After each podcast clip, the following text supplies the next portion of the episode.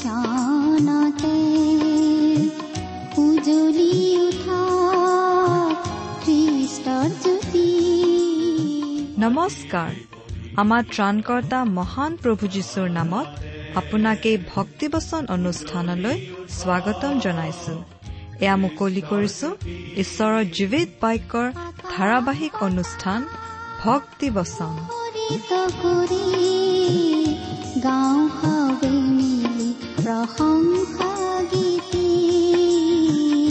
গাওঁ হাৱে মিলি প্ৰশংসা গীতি আজিৰে পবিত্ৰ ক্ষণতে উজলি উঠা খ্ৰীষ্টৰ জ্যোতি আপোনাৰ জীৱনত যদি শান্তি পাব বিচাৰে তেন্তে এয়া ঈশ্বৰৰ বাক্যৰ সান্তনা বাক্য ভক্তি বচন।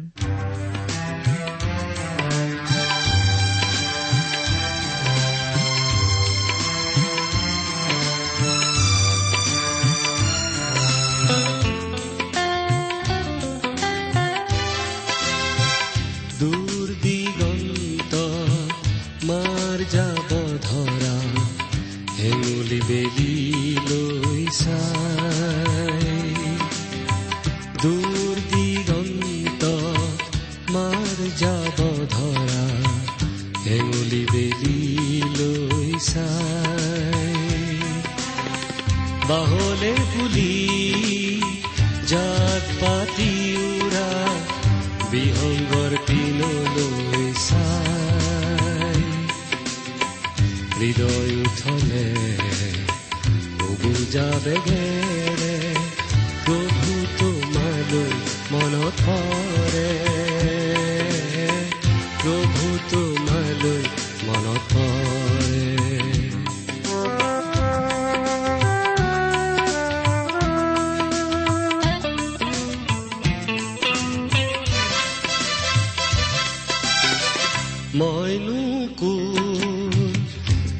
আহিছো কৰ পৰা মোৰ মূল্যই বাকী। মইনো কোন আহিছো কৰ পৰা মোৰ মূল্যই বাকী। দিনে নিশাই মোৰ ঘমুৱা জীৱনৰ অৰ্থনো কি? চিন্তাই মোক আগুৰি ধৰে প্ৰভু তোমালৈ মনত পৰে প্ৰভু তোমালৈ আমাৰ পৰম পবিত্ৰ প্ৰভু যীশুখ্ৰীষ্টৰ নামত নমস্কাৰ প্ৰিয় শ্ৰোতা। আশা কৰো মহান পিতা পৰমেশ্বৰৰ মহান অনুগ্ৰহত আপুনি ভালে কুশলে আছে। লগতে এই বুলিও আশা কৰিছো যে আপুনি আমাৰ এই ভক্তিবচন অনুষ্ঠানটো নিয়মিতভাৱে শুনি আছে। প্ৰিয় শ্ৰোতা এই অনুষ্ঠান শুনি আপুনি কেনে পাইছে আমালৈ চিঠি লিখি জনাবচোন? আপোনালোকৰ পৰা চিঠি পত্ৰ পাবলৈ আমি আগ্ৰহেৰে বাট চাওঁ। আমাৰ যোগাযোগৰ ঠিকনাটো হয়তো আপোনাৰ মনত আছে তথাপি আকৌ এবাৰ কৈ দিছো। ভক্তিবচন টি ডাব্লিউ আৰ ইণ্ডিয়া ডাক পাকচ নম্বৰ সাত শূন্য গুৱাহাটী সাত আঠ এক শূন্য শূন্য এক। ঠিকনাটো আৰু এবাৰ কৈছো ভক্তিবচন টি ডাব্লিউ আৰ ইণ্ডিয়া ডাক পাকচ নম্বৰ সাত শূন্য গুৱাহাটী সাত আঠ এক শূন্য শূন্য এক। আহকচোন আজিৰ বাইবেল অধ্যয়ন আৰম্ভ কৰাৰ আগতে খন্তেক প্ৰাৰ্থনাত মূৰ দুৱাওঁ। স্বৰ্গত থকা অসীম দয়ালু পিতৃ ঈশ্বৰ তোমাৰ মহান নামৰ ধন্যবাদ কৰো। তুমি মহান তুমি কৰুণাময় তুমি অনুগ্ৰহৰ আকৰ। তোমাৰ অনুগ্ৰহতেই আজি আমি প্ৰভু যীশুত বিশ্বাস কৰি পৰিত্ৰাণ পাব পৰা হৈছো তোমাক পিতৃ বুলি মাতিব পৰা হৈছো। তুমি আমালৈ যিমান অনুগ্ৰহ দেখুৱাইছা তাৰ বাবে তোমাক ধন্যবাদ দি আমি শেষ কৰিব নোৱাৰো। এতিয়া প্ৰাৰ্থনা কৰিছো তোমাৰ মহান বাক্য বাইবেল শাস্ত্ৰৰ যোগেৰে তুমি আমাক কথা কোৱা। তোমাৰ মাত আমাক শুনিবলৈ দিয়া। কিয়নো এই প্ৰাৰ্থনা আমাৰ মহান ত্ৰাণকৰ্তা প্ৰভু যীশুখ্ৰীষ্টৰ নামত আগবঢ়াইছো।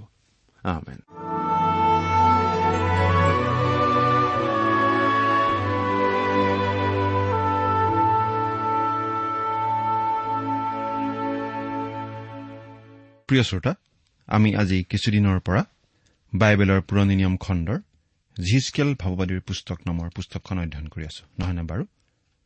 আমি আগৰ অনুষ্ঠানত এই পুস্তকৰ ত্ৰিশ নম্বৰ অধ্যায়লৈকে আমাৰ আলোচনা আগবঢ়াই নিছিলো। আজি আমি একত্ৰিশ নম্বৰ অধ্যায়ৰ পৰা আলোচনা আৰম্ভ কৰিম। এই একত্ৰিশ নম্বৰ অধ্যায়ত আমি দেখিবলৈ পাওঁ ফৰৌনৰ পতন। মিছৰৰ শাসনকৰ্তা ফৰৌনৰ পতনৰ কথা। কথাখিনি অলপ বহল অৰ্থত লিখা হৈছে আৰু ই আচলতে ফৰৌন ৰজা আৰু তেওঁৰ প্ৰজাসকলকো বুজায়। এই অধ্যায়টো আমি তিনিটা ভাগত ভাগ কৰি অধ্যয়ন কৰিব পাৰো। এক এক নম্বৰ পদৰ পৰা ন নম্বৰ পদলৈ মিছৰত ফৰৌনৰ মহানতা আৰু গৌৰৱ। দুই দহ নম্বৰ পদৰ পৰা চৈধ্য নম্বৰ পদ। এজোপা কটা যোৱা গছৰ উদাহৰণেৰে মিছৰৰ পতনৰ কথা কোৱা হৈছে। আৰু তিনি পোন্ধৰ নম্বৰ পদৰ পৰা ওঠৰ নম্বৰ পদলৈকে। গছজোপাৰ দৰে বাবিল পৰি যোৱাৰ বাবে বিলাপ আৰু তাৰ বাবে জগতৰ জাতিবিলাকৰ মাজত সমস্যাই মূৰ দাঙি উঠাৰ কথা। প্ৰথমতে এক নম্বৰ পদটো পঢ়ি দিছো। জিহিচকেল একত্ৰিশ নম্বৰ অধ্যায়ৰ এক নম্বৰ পদ। একাদশ বছৰৰ তৃতীয় মাহৰ প্ৰথম দিনা জিহুৱাৰ বাক্য মোৰ ওচৰলৈ আহিল। বোলে এয়া আকৌ জিহিচকেল ভাওবদীয়ে জনাই দিছে যে তেওঁৰ ওচৰলৈ ঈশ্বৰ জিহুৱাৰ বাক্য আহিল। দুই নম্বৰ পদ। হে মনুষ্য সন্তান মিছৰৰ ৰজা ফৰৌনক আৰু তাৰ লোকসমূহক কোৱা তুমি তোমাৰ মহত্বত কাৰ নিচিনা? মিছৰ দেশ যে এখন অতি শক্তিশালী আৰু আগশাৰীৰ দেশ আছিল সেই কথাটো ঈশ্বৰে স্বীকাৰ কৰিছে। প্ৰায় দুহেজাৰ বছৰমান ধৰি এই দেশখনে পৃথিৱীত যথেষ্ট প্ৰতিপত্তি দেখুৱাইছিল যথেষ্ট প্ৰভাৱ পেলাই আহিছিল। এই দেশখন গোটেই পৃথিৱীৰ আহাৰৰ ভঁৰালস্বৰূপ আছিল কাৰণ এই দেশখনে খেতি বাতিৰ কাৰণে বৰষুণৰ ওপৰত নিৰ্ভৰ কৰিব লগা নহৈছিল। প্ৰতি বছৰে উপচি পৰা নীল নদীয়ে দেশখনৰ শস্য পথাৰ জাতিষ্কাৰ কৰিছিল। এই দেশখন আছিল অতি ক্ষমতাশালী দেশ। তিনি নম্বৰ পদ। চোৱা অচুৰ লিবানুনত সুন্দৰ ডাল ঘন ছাঁ আৰু ওখ হৈ থকা এজোপা এৰছ গছ স্বৰূপ আছিল। তাৰ ওপৰভাগ মেঘস্পৰ্শী হৈছিল। ঈশ্বৰে কৈছে অচুৰ লিবানুনত সুন্দৰ ডাল ঘন ছাঁ আৰু ওখ হৈ থকা এজোপা এৰছ গছস্বৰূপ আছিল। এডাল গছৰ দ্বাৰা এখন অৰণ্য নহয় অৰণ্যত বহুতো গছ থাকে। অচুৰ আন আন গছতকৈ ওখ আছিল আৰু প্ৰাধান্য বিস্তাৰ কৰি আহিছিল। ঈশ্বৰে কিন্তু সেই ওচৰীয়াবিলাকক নত কৰিছিল তেওঁলোকৰ প্ৰাধান্য নোহোৱা কৰিছিল। এই কথাটোৰ পৰা মিছৰৰ ফৰৌন ৰজা আৰু তেওঁৰ প্ৰজাবিলাকে শিক্ষা ল'ব পাৰিব লাগিছিল। ফৰৌন ৰজাও এডাল ওখ আৰু চকুত লগা গছৰ নিচিনা তেওঁ সকলোকে তলত ৰাখিছিল। মিছৰৰ লোকবোৰ অতি উন্নত আৰু প্ৰাধান্য পোৱা লোক আছিল কিন্তু এতিয়া তেওঁলোককো নত কৰা হ'ব। ঊনত্ৰিশ নম্বৰ অধ্যায়ত আমি পাই আহিছো যে মিছৰ দেশখন অতি নিম্ন খাপৰ দেশ কৰা হ'ব বুলি ঈশ্বৰে জনাই দিছিল আৰু সঁচাকৈ তেনেকুৱাই ঘটিল। আজি আৰু সেই দেশ আগৰ অৱস্থাত নাই। এই দেশ আৰু কেতিয়াও বিশ্বৰ আগশাৰীৰ দেশ হ'ব নোৱাৰে। চাৰিৰ পৰা ন নম্বৰ পদ। জলসমূহে তাক ডাঙৰ দীঘল কৰিছিল। অগাধ জলে তাক বঢ়াইছিল। তাৰ সুঁতিবোৰ তাৰ ৰোৱা ঠাইৰ চাৰিওফালে বৈছিল আৰু সি নিজৰ সুঁতিবোৰৰ পথাৰৰ আটাই গছৰ গুৰিলৈ পঠাইছিল। এই হেতুকে ওখই সি পথাৰৰ আটাই গছতকৈ ওখ আছিল। সি পঠোৱা অনেক পানীৰ কাৰণে তাৰ ডালবোৰ বৃদ্ধি হৈছিল আৰু তাৰ শাখাবোৰ দীঘল হৈছিল। তাৰ ডালবোৰত আকাশৰ আটাই পক্ষীয়ে বাহ লৈছিল। তাৰ শাখাবোৰৰ তলত আটাই বনৰীয়া জন্তুৱে পোৱালি জগাইছিল আৰু তাৰ ছাঁত আটাই মহাজাতিয়ে বাস কৰিছিল। এইদৰে তাৰ শিপা অনেক জলসমূহৰ কাষত থকাত সি নিজ মহত্বত আৰু নিজ ডালবোৰৰ দৈৰ্ঘ্যত সুন্দৰ আছিল। ঈশ্বৰৰ উদ্যানৰ এৰছ গছবোৰে তাক লুকুৱাব নোৱাৰিছিল। দেৱদাৰু গছবোৰ তাৰ ডালবোৰৰ নিচিনা নাছিল আৰু অৰ্মোন গছবোৰ তাৰ শাখাবোৰৰ নিচিনা নাছিল আৰু ঈশ্বৰৰ উদ্যানত থকা কোনো গছ সৌন্দৰ্যত তাৰ নিচিনা নাছিল। মই তাৰ অধিক ডালবোৰেৰে তাক এনে সুন্দৰ কৰিছিলো যে ঈশ্বৰৰ উদ্যানত থকা এডনৰ সকলো গছে তাক ঈৰ্ষা কৰিছিল। মুঠতে মিছৰ দেশ অতি চহকী ফলে ফুলে ভৰা শস্যশ্যামলা দেশ আছিল অতি সুন্দৰ দেশ আছিল। ঈশ্বৰেই সেই সকলো হবলৈ দিছিল সেই সকলো এতিয়া তেওঁ কাঢ়ি নিব। দহ নম্বৰ পদ। এই হেতুকে প্ৰভুজী হোৱাই এই কথা কৈছে। সি উচ্চতাত ওখ হোৱাৰ আৰু সি তাৰ ওপৰভাগ মেঘস্পৰ্শী কৰাৰ আৰু তাৰ হৃদয় নিজৰ উচ্চতাত গৰ্বিত হোৱাৰ কাৰণে। এই হেতুকে প্ৰভুজী হোৱাই কৈছে বোলা এই বাক্যাংশটোৱে আচলতে অধ্যায়টোৰ বিভাজন দেখুৱাইছে। অৰ্থাৎ এই পদটোৰ পৰা অধ্যায়টোৰ আন এটা ভাগ আৰম্ভ হৈছে। এই অংশটোত আমি দেখিবলৈ পাম যে মিছৰৰ ৰজা ফৰুণ গৰ্বতে একেবাৰে উফন্দি আছিল। মানুহৰ অন্তৰত আচলতে এই গৰ্বৰ ভাৱটো সোমাই থাকেই। ফৰুণ ৰজা যে অতি শক্তিশালী আছিল সেই কথাটোৱে আহিব লগা বিপদৰ বিষয়ে তেওঁক অন্ধ কৰি ৰাখিছিল। মানুহৰ এইটোৱেই ডাঙৰ বিপদ। মানুহে ভাবে সকলো ঠিকেই আছে। আহিব লগা ভৱিষ্যতৰ দিনৰ বাবে প্ৰায়বোৰ মানুহেই সাৱধান নহয়। পদ। মই তাক জাতিবিলাকৰ পৰাক্ৰমীজনৰ হাতত সমৰ্পণ কৰিলো। তেওঁ তাৰ বিৰুদ্ধে উচিত কাৰ্য কৰিলে। মই তাৰ দুষ্টতাৰ কাৰণে তাক দূৰ কৰি দিলো। ইতিহাসৰ এই বিশেষ সন্ধিক্ষণত বাৰু জাতিবোৰৰ মাজত সকলোতকৈ প্ৰধান আৰু প্ৰতিপত্তিশীল লোক কোন আছিল? তেওঁ আছিল বাবিলনৰ ৰজা নবুখত নেচৰ আমি ভাবো ইয়াত জিহিচকেলে ছয়তানৰ কথা বুজোৱা নাই কাৰণ ছয়তানে আচলতে ইমান বছৰ ধৰি মিছৰ দেশত আধিপত্য চলাই আছিলেই। গতিকে নতুনকৈ আৰু আধিপত্য চলোৱাৰ কথা নাহে। এই যি পৰাক্ৰমীজনৰ কথা ইয়াত কোৱা হৈছে তেওঁ আচলতে নবুখত নেচৰ ৰচা। সেই কথা খাটাংকৈ জানিব পাৰো যদি আমি দানিয়েল ভাওবাদীৰ পুস্তকখন পঢ়ো। দানিয়েলে নবুখনেশ্বৰ ৰজাক কৈছিল আপুনিয়েই সোণৰ মূৰটো। আচলতে নবুখনেশ্বৰ ৰজাৰ সমান বিখ্যাত আৰু ক্ষমতাশালী শাসনকৰ্তা দ্বিতীয়জন এই পৃথিৱীত আৰু ওলোৱা নাই। মই তাক পৰাক্ৰমীজনৰ হাতত সমৰ্পণ কৰিলো। ইয়াত ফৰৌনৰ কথা বুজোৱা হৈছে। ফৰৌন ৰজাৰ মন্দতাৰ শাস্তি ঈশ্বৰে দিব আৰু তেওঁক নবুখত নেজৰ ৰজাৰ হাতত সোধাই দিব। বাৰ নম্বৰ পদ। আৰু জাতিবিলাকৰ ভয়ানক বিদেশীবোৰে তাক কাটি এৰি গ'ল। পৰ্বতবোৰৰ ওপৰত আৰু আটাই উপত্যকাত তাৰ ডালবোৰ পৰি আছে আৰু দেশৰ আটাই জুৰিবোৰৰ কাষত তাৰ শাখাবোৰ ভাগিল আৰু পৃথিৱীৰ সকলো জাতিবিলাক তাৰ ছাঁৰ পৰা নামি গ'ল তাক এৰি গুচি গ'ল। মিছৰ দেশ পতিত হ'ব। নভুখত নেচৰে দখল কৰিব আৰু সেইটো পৃথিৱীক চমক লগোৱা ঘটনা হ'ব। তেৰ আৰু চৈধ্য নম্বৰ পদ। পৰি থকা সেই গছডালত আকাশৰ পক্ষীবোৰে বাস কৰিছে আৰু তাৰ শাখাৰ ওপৰত আটাই বনৰীয়া জন্তু আছে। জলসমূহৰ কাষত থকা গছবোৰৰ কোনো গছে নিজ উচ্চতাত গৰ্ব নকৰিবৰ নিমিত্তে বা তাৰ ওপৰ ভাগ মেঘ স্পৰ্শী নকৰাবৰ নিমিত্তে নাইবা সেইবোৰৰ বৃহৎবোৰৰ মাজৰ পানী পাণ কৰা বিলাকৰ মাজৰ কোনেও উচ্চতাত নিজকে ওখ নেদেখুৱাবৰ নিমিত্তে মই ইয়াক কৰিলো। কিয়নো সেই আটাইবোৰ মৃত্যুলৈ পৃথিৱীৰ অধোভাগলৈ গাঁতলৈ নামিব লগাবোৰে সৈতে মনুষ্য সন্তানবিলাকৰ মাজত সমৰ্পিত হ'ল। ইয়াত পতিত হোৱা শত্ৰুৰ কবললৈ যোৱা মিছৰ দেশৰ ছবিখন আমাক দিয়া হৈছে। সেই দেশ শত্ৰুৰ পদোদলিত হ'ব ঈশ্বৰেই তেনে কৰাব। গছজোপা বাগৰি পৰাৰ দৰে ফৰৌন ৰজা পতিত হ'ব তাৰ বাবে জগতৰ জাতিবিলাকৰ মাজত সমস্যাই মূৰ দাঙি উঠিব। এতিয়া আমি অধ্যায়টোৰ আন এটা ভাগত সোমাই পৰো। এইটো অতি গুৰুত্বপূৰ্ণ অংশ। আৰু বাইবেল অধ্যয়নৰ প্ৰতি হাবিয়াস থকা লোকসকলে এই অংশখিনি যথেষ্ট মন দি পঢ়া আৰু ধ্যান কৰা উচিত। প্ৰভুজী হোৱাই এই কথা কৈছে সি চিউললৈ নামি যোৱা দিনা মই শোকৰ আজ্ঞা দিলো। মই তাৰ নিমিত্তে অগাধ জলক ঢাকিলো তাৰ সুঁতিবোৰ বন্ধ কৰিলো আৰু মহাজলসমূহক স্থগিত কৰা হল।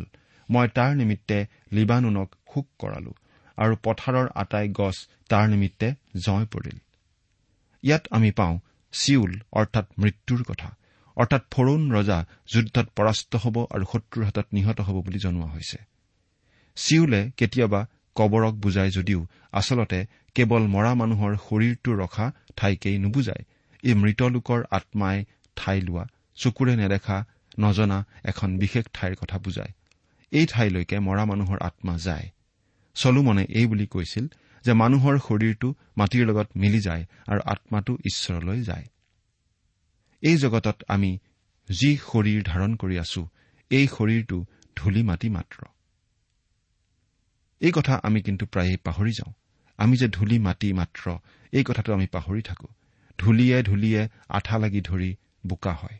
আমি মনত ৰখা উচিত যে শৰীৰটোৰ ফালৰ পৰা চালে আমি ধূলি মাত্ৰ। যেতিয়া আমাৰ শৰীৰটো কবৰত শুৱাই দিয়া হ'ব সেই শৰীৰ মাটিৰ লগতেই মিলি যাব।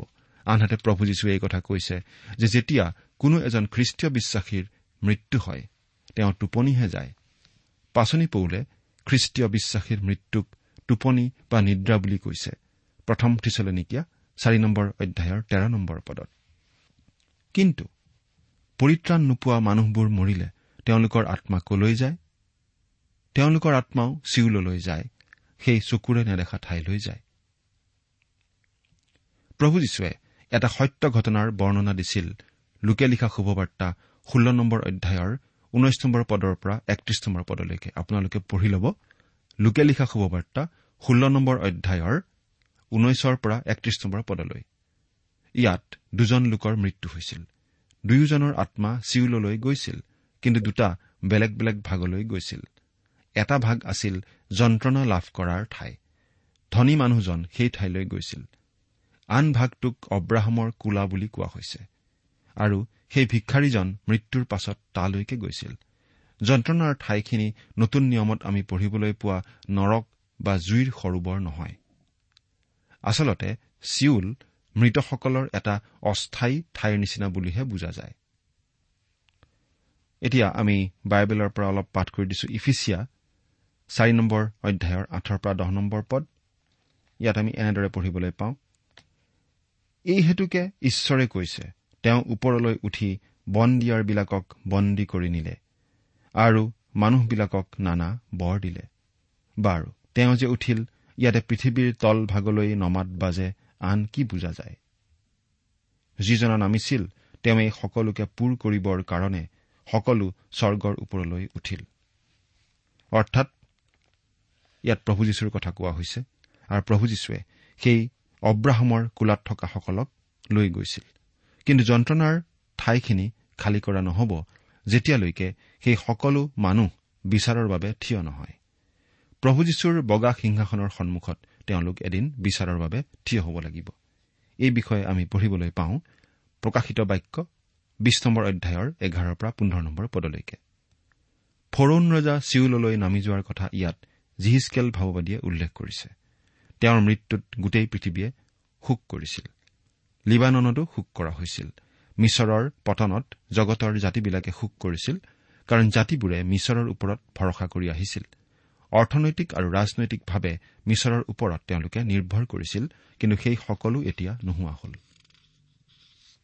এতিয়া আমি আলোচনা কৰি আছো ইছৰাইলৰ ওচৰ চুবুৰীয়া দেশবিলাকৰ যে পতন হ'ব সেই বিষয়ে জিহিচকেল ভাওবাদীৰ যোগেদি ঈশ্বৰে দিয়া ভাওবাণী। আমি পালো। মিছৰৰ পতন হ'ব বুলি ঈশ্বৰে জনাই দিয়া কথা। ঈশ্বৰে জনাই দিছিল যে মিছৰৰ ৰজা ফৰৌনৰ মৃত্যু হ'ব। তেওঁৰ মৃত্যুত পৃথিৱীৰ জাতিবিলাকে শোক কৰিব কাৰণ জাতিবোৰে আৰ্থিকভাৱেও আৰু ৰাজনৈতিকভাৱেও ফৰৌনৰ ওপৰত নিৰ্ভৰ কৰিছিল। বাবিলৰ ৰজা নবুখত নেজৰ ৰজাই আক্ৰমণ কৰি মিছৰ দেশ ধ্বংস কৰিব ফৰৌন ৰজাক পৰাস্ত কৰিব তেওঁক বধ কৰিব আৰু সেইদৰেই সকলো ঘটিছিল। একত্ৰিশ নম্বৰ অধ্যায়ৰ বাকী থকা পদকেইটাতো আমি এই বিষয়টোৱেই পাওঁ। ষোল্ল নম্বৰ পদ। ইয়াত এনেদৰে লিখা আছে গাঁতলৈ নামিব লগাবোৰে সৈতে মই তাক চিউললৈ পেলোৱা সময়ত তাৰ পতনৰ শব্দত মই জাতিবিলাকক কপালো। আৰু এডনৰ আটাই গছে লিবানুনৰ মনোনীত আৰু উৎকৃষ্ট গছে পানী পাণ কৰা আটাইবোৰে পৃথিৱীৰ অধোভাগত শান্ত নাপালে। ফৰৌনক বধ কৰা হ'ব।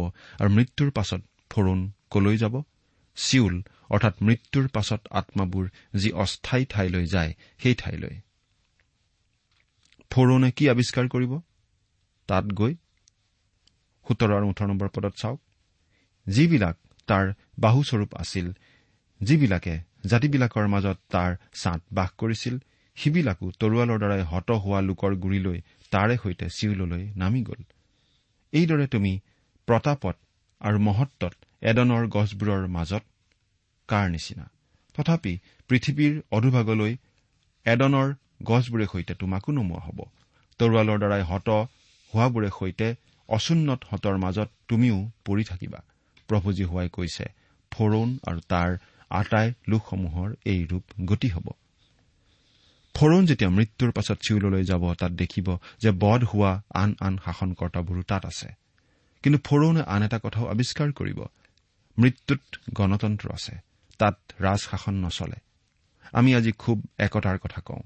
ধনী দুখীয়া কলা বগা পুৰুষ নাৰী সমাজৰ উচ্চ লোক নিচ লোক আদিক একলগ কৰিব পাৰে একমাত্ৰ মৃত্যুৱেহে মৃত্যুৱে সেই সকলোকে একে পৰ্যায়লৈ লৈ যায়। সকলোৰে শৰীৰ একে মাটিত পৰি ৰয় আৰু আত্মাবোৰো একে ঠাইতে গৈ থাকিব লগা হয়। আমি ভাবো বহুত মানুহে মৃত্যুৰ পিছত আচৰিত হ'ব লগা হয় যে তেওঁলোকৰ মৃত্যু জীৱ জন্তুৰ মৃত্যুৰ নিচিনা নহয়। এজন ঈশ্বৰ বিশ্বাসহীন মানুহে কৈছিল যেতিয়া মানুহ মৰে কুকুৰ এটা মৰাৰ নিচিনাকৈ মৰে। মানুহজনৰ কেৱল অস্তিত্ব শেষ হৈ যায়। মৃত্যুৰ পিছত আৰু কোনো জীৱন নাই। কিন্তু সেই ব্যক্তিজনে নিজৰ মৃত্যুৰ পাছত আচৰিত হ'ব লাগিব যেতিয়া তেওঁ মৃত্যুৰ পাছত চিউললৈ যাব আৰু তাত থকা সকলোকে লগ পাব। সেই মানুহ বহুত থাকিব যিবিলাকে জীয়াই থাকোঁতে ভাবি আছিল যে মৃত্যুৰ পাছত আৰু একো নাই ঈশ্বৰৰ সুধবিচাৰ নাই ইত্যাদি ইত্যাদি। তাত সকলো মানুহ সমান হ'ব সকলোৰে অৱস্থা একেই হ'ব। ঈশ্বৰে আগবঢ়োৱা পৰিত্ৰাণৰ পথ প্ৰত্যাখ্যান কৰা সকলোৰে আত্মা তাত থাকিব। তেওঁলোক পাপী কাৰণে নহয় কিন্তু পাপৰ পৰা পৰিত্ৰাণ পোৱাৰ যি পথ ঈশ্বৰে প্ৰস্তুত কৰিছে সেই পথ গ্ৰহণ নকৰাৰ বাবেহে তাত থাকিব লাগিব। তেওঁলোকৰ আচল পাপ হ'ব সেইটোৱেই। ঈশ্বৰে আগবঢ়োৱা পৰিত্ৰাণৰ পথ প্ৰত্যাখ্যান কৰাটোৱেই তেওঁলোকৰ পাপ। অৰ্থাৎ ঈশ্বৰৰ কথা বিশ্বাস নকৰাটোৱেই তেওঁলোকৰ পাপ। আৰু সেই পাপৰ বাবেই তেওঁলোক চিউলত থাকিব লাগিব আৰু অৱশেষত তেওঁলোকে প্ৰভু যীশুৰ বগা সিংহাসনৰ বিচাৰৰ সন্মুখীন হ'ব লাগিব আৰু তাৰ পাছত যাব লাগিব জুইৰ সৰোবৰলৈ। এই কথাটো প্ৰভু যীশুৱে অতি পৰিষ্কাৰভাৱে জনাই দিছে। জোহন ষোল্ল নম্বৰ অধ্যায়ৰ ন নম্বৰ পদত। প্ৰিয় শ্ৰোতা আমাক আমাৰ পাপৰ পৰা উদ্ধাৰ কৰি অনন্ত জীৱন দিবলৈকে প্ৰভু যীশু আহিল। তেওঁ ক্ৰুচত তেওঁৰ তেজ বোৱালে আৰু আমাৰ সকলো পাপৰ প্ৰায়চিত্ৰ কৰিবলৈ।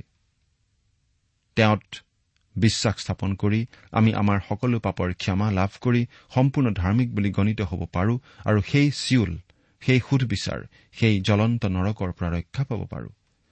কিন্তু এই কথা বিশ্বাস নকৰি প্ৰভু যীশুক প্ৰত্যাখ্যান কৰিলে আমাৰ অৱস্থা কি হ'ব? আপুনি নিশ্চয় বুজি পাইছেই। শাস্ত্ৰৰ এই অংশটোৱে আচলতে সম্পূৰ্ণ নতুন বিষয় এটা আমাৰ আগত দাঙি ধৰিছে। মৃতসকল এটা বিশেষ ঠাইলৈ যায়। প্ৰভু যীশুৱে এই ঠাইক যন্ত্ৰণাৰ ঠাই বুলিয়েই কৈছে আৰু তাতেই হেৰাই থকা পৰিত্ৰাণ নোপোৱা লোকৰ আত্মাই বিচাৰৰ বাবে অপেক্ষা কৰি থাকে। কিছুমানে কয় মই ঈশ্বৰৰ মুখামুখি হ'ব লাগিব ঠিকেই আছে। মইতো বেছ ভাল মানুহ মইতো একো বেয়া কাম কৰা নাই। গতিকে ঈশ্বৰৰ আগত বিচাৰৰ বাবে থিয় হ'বলৈ মোৰ একো ভয় নাই। মোতকৈতো বহুতো বেয়া মানুহ আছে গতিকে ঈশ্বৰে মোক নিশ্চয় শাস্তি নিদিব। কিন্তু যেতিয়া তেনে মানুহে তেওঁক উদ্ধাৰ কৰিবলৈ ক্ৰুচত নিজৰ প্ৰাণ দিয়া জনাৰ আগত থিয় দিব লাগিব তেতিয়া তেওঁলোকে দেখিব যে তেওঁলোকৰ নিজৰ তথাকথিত সৎকৰ্মবোৰে তেওঁলোকক একো সহায় কৰিব নোৱাৰিব। তেওঁলোকে আৱিষ্কাৰ কৰিব যে তেওঁলোকৰ এটা পাপ প্ৰবৃত্তি আছে আৰু সেই প্ৰবৃত্তি সেই স্বভাৱে কেতিয়াও ঈশ্বৰক সন্তুষ্ট কৰিব নোৱাৰে। সেই প্ৰবৃত্তিয়ে আচলতে ঈশ্বৰৰ প্ৰতি কোনো আগ্ৰহেই নেদেখুৱাই বৰং ঈশ্বৰৰ বিৰোধিতা কৰে। তেওঁলোককনো ঈশ্বৰে আন কি ঠাইত স্থান দিব পাৰে? ঈশ্বৰৰ প্ৰতি বিৰোধ ভাৱ থকা অন্তৰৰ লোকক ঈশ্বৰে নিজৰ লগত ৰাখিবলৈ স্বৰ্গলৈ নিব বুলি আপুনি ভাবেনে? উত্তৰটো পৰিষ্কাৰ। প্ৰিয় শ্ৰোতা ঈশ্বৰৰ আগত আমি নিজৰ জহত কেতিয়াও থিয় দিবলৈ সমৰ্থ নহয়। একমাত্ৰ প্ৰভু যীশুত বিশ্বাস স্থাপন কৰিহে আমি আমাৰ সকলো পাপৰ ক্ষমা লাভ কৰিব পাৰো কাৰণ তেওঁ আমাৰ পাপৰ শাস্তি ক্ৰুচৰ ওপৰত ললে। গতিকে তেওঁক পৰিত্ৰতা বুলি গ্ৰহণ কৰি আমি ঈশ্বৰৰ দৃষ্টিত ধাৰ্মিক বুলি গণিত হ'ব পাৰো। তেতিয়া আৰু ঈশ্বৰে আমাৰ পাপবোৰ দেখা নাপায় কাৰণ আমাৰ পাপবোৰ খ্ৰীষ্টৰ তেজে সূচী কৰি দিয়ে। ইয়াত মিছৰৰ ফোৰণ ৰজাৰ পতনৰ কথা কোৱা হৈছে আৰু মৃত্যুৰ পাছত তেওঁ আন আন বধ হোৱা শাসনকৰ্তাবোৰৰ লগত একেলগে চিউলত পৰি থাকিব বুলি কোৱা হৈছে। বত্ৰিশ নম্বৰ অধ্যায়তো আমি মিছৰৰ পতনৰ বাবে বিলাপ কৰা দেখিবলৈ পাওঁ। এক আৰু দুই নম্বৰ পদ দ্বাদশ বছৰৰ দ্বাদশ মাহৰ প্ৰথম দিনা জিহুৱাৰ বাক্য মোৰ ওচৰলৈ আহিল বোলে হে মনুষ্য সন্তান তুমি মিছৰৰ ৰজা ফৰৌনৰ নিমিত্তে বিলাপ কৰিবলৈ ধৰা আৰু তাক কোৱা তুমি নিজকে জাতিবিলাকৰ যুৱা সিংহ বুলি ভাবিছা কিন্তু তুমি সমুদ্ৰত থকা মকৰ মাথোন। তোমাৰ নদীবোৰত তুমি উৎপাত কৰিছা তোমাৰ ভৰিৰে জলসমূহ আস্ফালন কৰিছা আৰু তাৰ সুঁতিবোৰ ঘোলা কৰিছা। জিহিচকেলৰ ওচৰলৈ আকৌ ঈশ্বৰৰ বাক্য আহিল। এই কথা জিহিচকেলে আকৌ জনাইছে। মিছৰ ৰজাৰ পতন হ'ব সেই কথাটো জনাই দিছে আৰু এই কথা কৈছে যে সেই মিছৰৰ ৰজাই মিছাতে গৰ্ব কৰি আছে নিজৰ ক্ষমতাত ভৰসা কৰি আছে। তুমি সমুদ্ৰত থকা মকৰ মাথোন বা আমি এনেধৰণেও ক'ব পাৰো তুমি এটা পশু এটা ঘৰিয়াল মাত্ৰ। তিন নম্বৰ পদ। প্ৰভুজী হোৱা এই কথা কৈছে মই অনেক লোকসমূহে সৈতে তোমাৰ ওপৰত মোৰ জাল পেলাম আৰু সিহঁতে তোমাক মোৰ জালেৰে আনিব।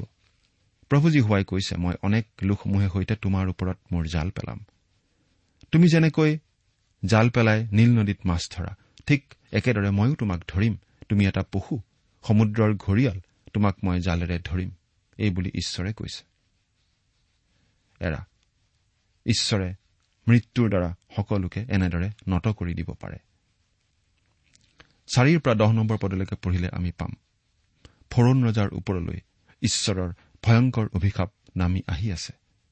আৰু নবুখত নেচৰ ৰজাৰ যোগেদি সেই ধ্বংসলীলা আহিব বুলি ঈশ্বৰে জনাই দিছে। এঘাৰ নম্বৰ পদত আমি পাওঁ এনেদৰে।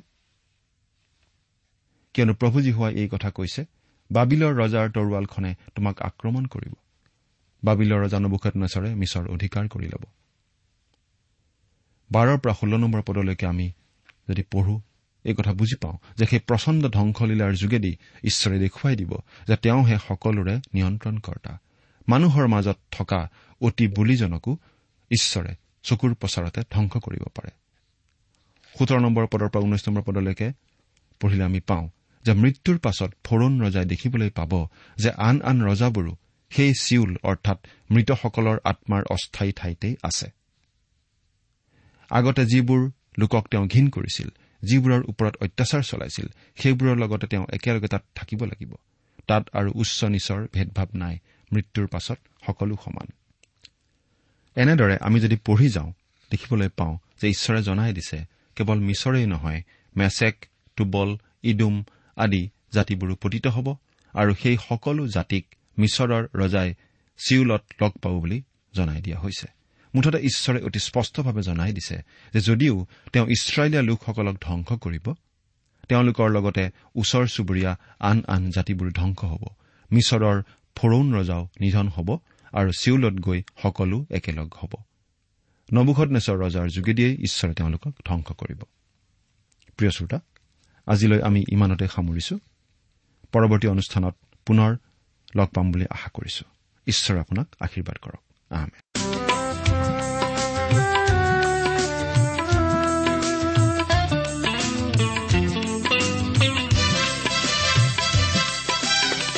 তুমিয়েই দিলা মোক জীৱনৰ অৰ্থ জীয়াই থকাৰ লক্ষ্য।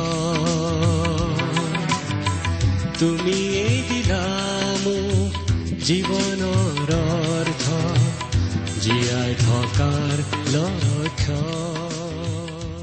ইমান পৰে আপুনি ভক্তিবচন অনুষ্ঠানটি শুনিলে। অনুষ্ঠানটি শুনি কেনে পালে? আমালৈ চিঠি লিখি জনাবচোন। অনুষ্ঠানত প্ৰচাৰ কৰা কোনো কথা বুজিব লগা থাকিলেও আমালৈ লিখক। আমাৰ ঠিকনা ভক্তিবচন টি ডাব্লিউ আৰ ইণ্ডিয়া ডাক পাকচ নম্বৰ সাত শূন্য গুৱাহাটী সাত আঠ এক শূন্য শূন্য এক। ঠিকনাটো আৰু এবাৰ কৈছো ভক্তিবচন টি ডাব্লিউ আৰ ইণ্ডিয়া। ডাক পাকচ নম্বৰ সাত শূন্য গুৱাহাটী সাত আঠ এক শূন্য শূন্য এক। আপুনি ইমেইল যোগেৰেও আমাৰ সৈতে যোগাযোগ কৰিব পাৰে। আমাৰ ইমেইল আইডিটো হৈছে Assamese T TV at radio' eight eight two dot com আইডিটো আকৌ এবাৰ কৈছো Assamese T TV at radio' eight eight two dot com আপুনি টেলিফোনৰ মাধ্যমেৰেও আমাক যোগাযোগ কৰিব পাৰে। আমাৰ টেলিফোন নম্বৰটো হৈছে শূন্য তিনি ছয় এক দুই ছয় শূন্য চাৰি ছয় সাত এক। ফোন নম্বৰটো আকৌ এবাৰ কৈছো zero' three six one two six zero' four six seven one আজিৰ অনুষ্ঠানটি ইমানতেই সামৰিছো। ঈশ্বৰৰ শান্তি আৰু অনুগ্ৰহ আপোনাৰ লগত থাকক। ধন্যবাদ।